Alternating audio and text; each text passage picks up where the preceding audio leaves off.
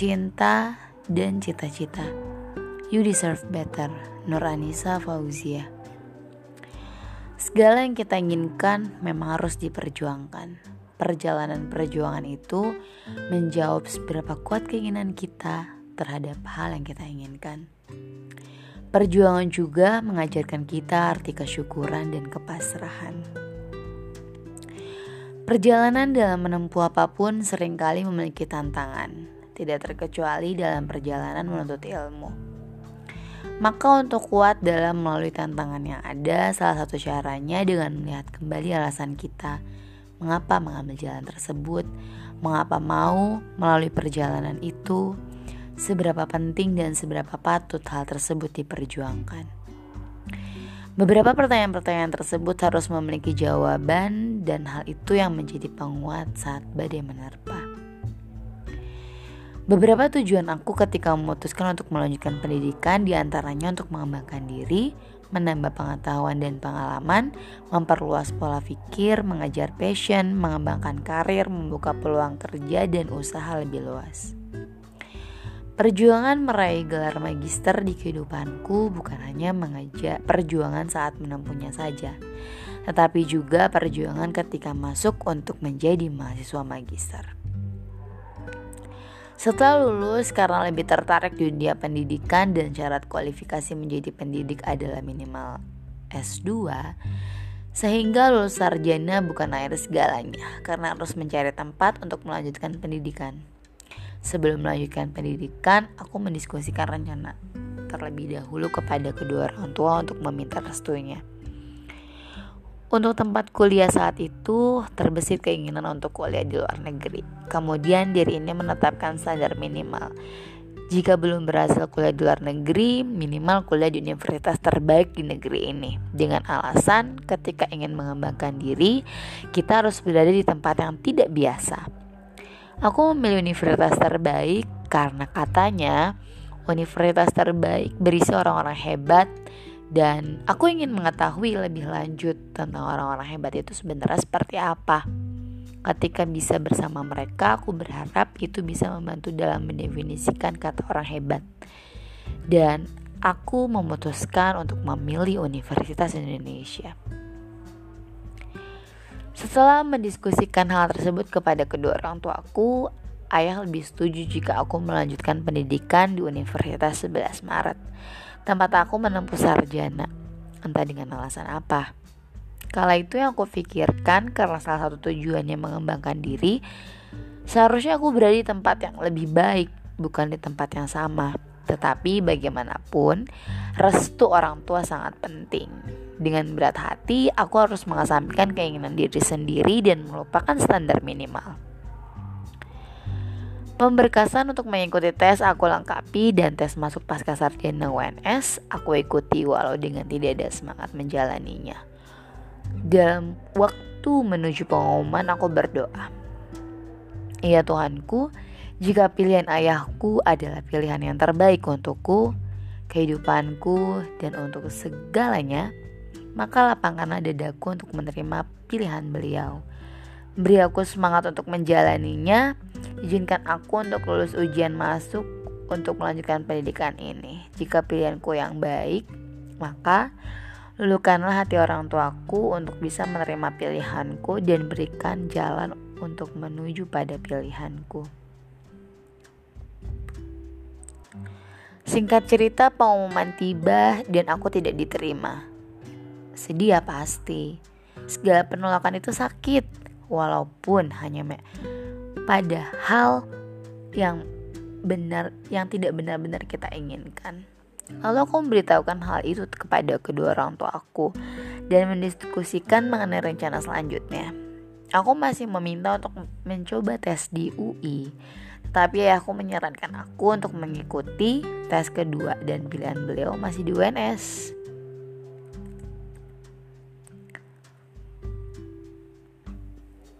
Pilihan ayah aku setujui dengan tujuan bisa melanjutkan pendidikan walau masih dengan berat, hati, berat hati.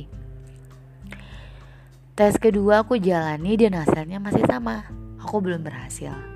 Entah aku harus sedih atau senang, sekali lagi aku katakan bentuk penolakan itu sakit.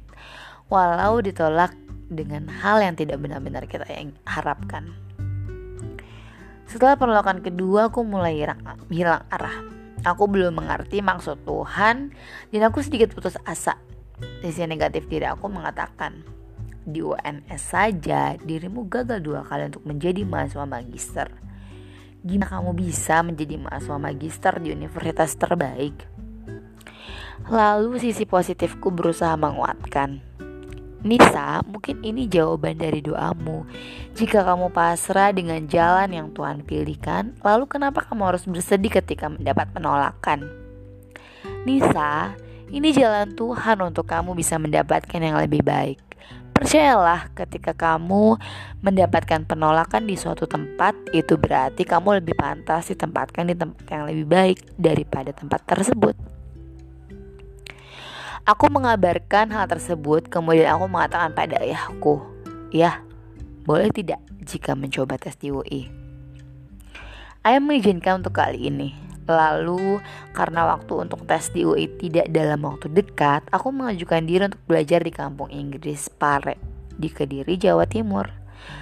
Sambil menunggu jadwal tes di UI mendalami pelajaran bahasa Inggris karena aku suka dan bahasa Inggris yang merupakan bahasa internasional sehingga mudahkan diri ini untuk membuka cakrawala dunia.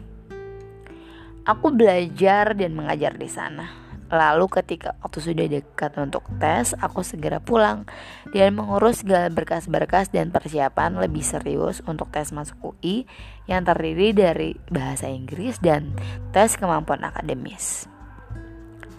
Prinsip aku di kehidupan. Salah satunya adalah aku sudah berjalan sejauh ini. Mundur bukanlah pilihan. Apa pun yang terjadi, aku harus maju dan melengkapi tujuan yang pernah tertulis dan diimpikan. Karena aku memandang pekerjaan bukan hanya sekedar pekerjaan, pekerjaan bukan hanya sekedar cara mendapatkan pundi-pundi rupiah, tetapi pekerjaan merupakan panggilan hati, media improve diri, media kontribusi dan berbagi. Itulah beberapa alasan yang mendasari pemilihan pendidik sebagai salah satu profesi yang harus diperjuangkan dalam mencapainya. Singkat cerita, Tuhan mengizinkan aku menjadi mahasiswa pasca sarjana Universitas Indonesia dengan sekali tes. Perjuangan berikutnya dimulai. Semester 1 masa adaptasi, semester kedua sampai terakhir adalah masa perjuangan yang tanpa henti. Perjuangan mengenai cita-cita dan cinta. Singkat cerita, aku memiliki seorang yang mungkin bisa disebut pacar. Dia adalah pacar pertama dan cinta pertama, tapi bukan cinta terakhir dan bukan tempat berlabuh sesungguhnya. Dia hanya pernah singgah dan menjadi masa lalu untuk saat ini. Ya, pacar pertama yang kala itu didefinisikan sebagai calon. Kita sudah kenal lama dan saling mengetahui rasa.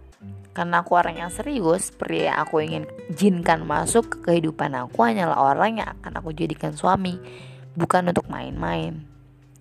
Dia pernah mengungkapkan saat di Solo saat aku menempuh sarjana jika untuk waktu dekat ini dia belum siap dan itu juga yang menjadi satu alasan aku untuk segera lanjut magister. Niatnya sambil nunggu dia sambil nunggu dia siap. Jadi kalau menikah sudah selesai dengan kehidupan masing-masing. Dan kita pernah merencanakan untuk menikah saat aku lulus magister nanti. Walau kenyataannya setelah aku lulus magister dia sudah menikah terlebih dahulu dengan wanita lain. Ya, seperti inilah kisahnya.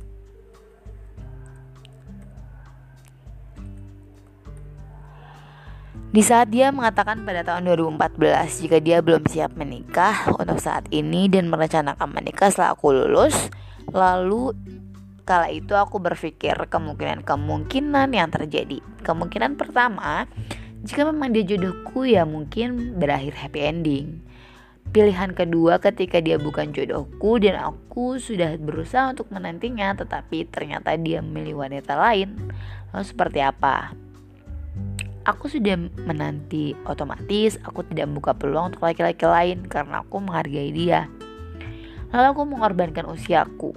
Aku menanti seorang yang belum pasti dan ketika dia bukan jodohku, aku harus memulai semuanya dari awal kembali dengan usia menikah yang mungkin di atas 25 tahun.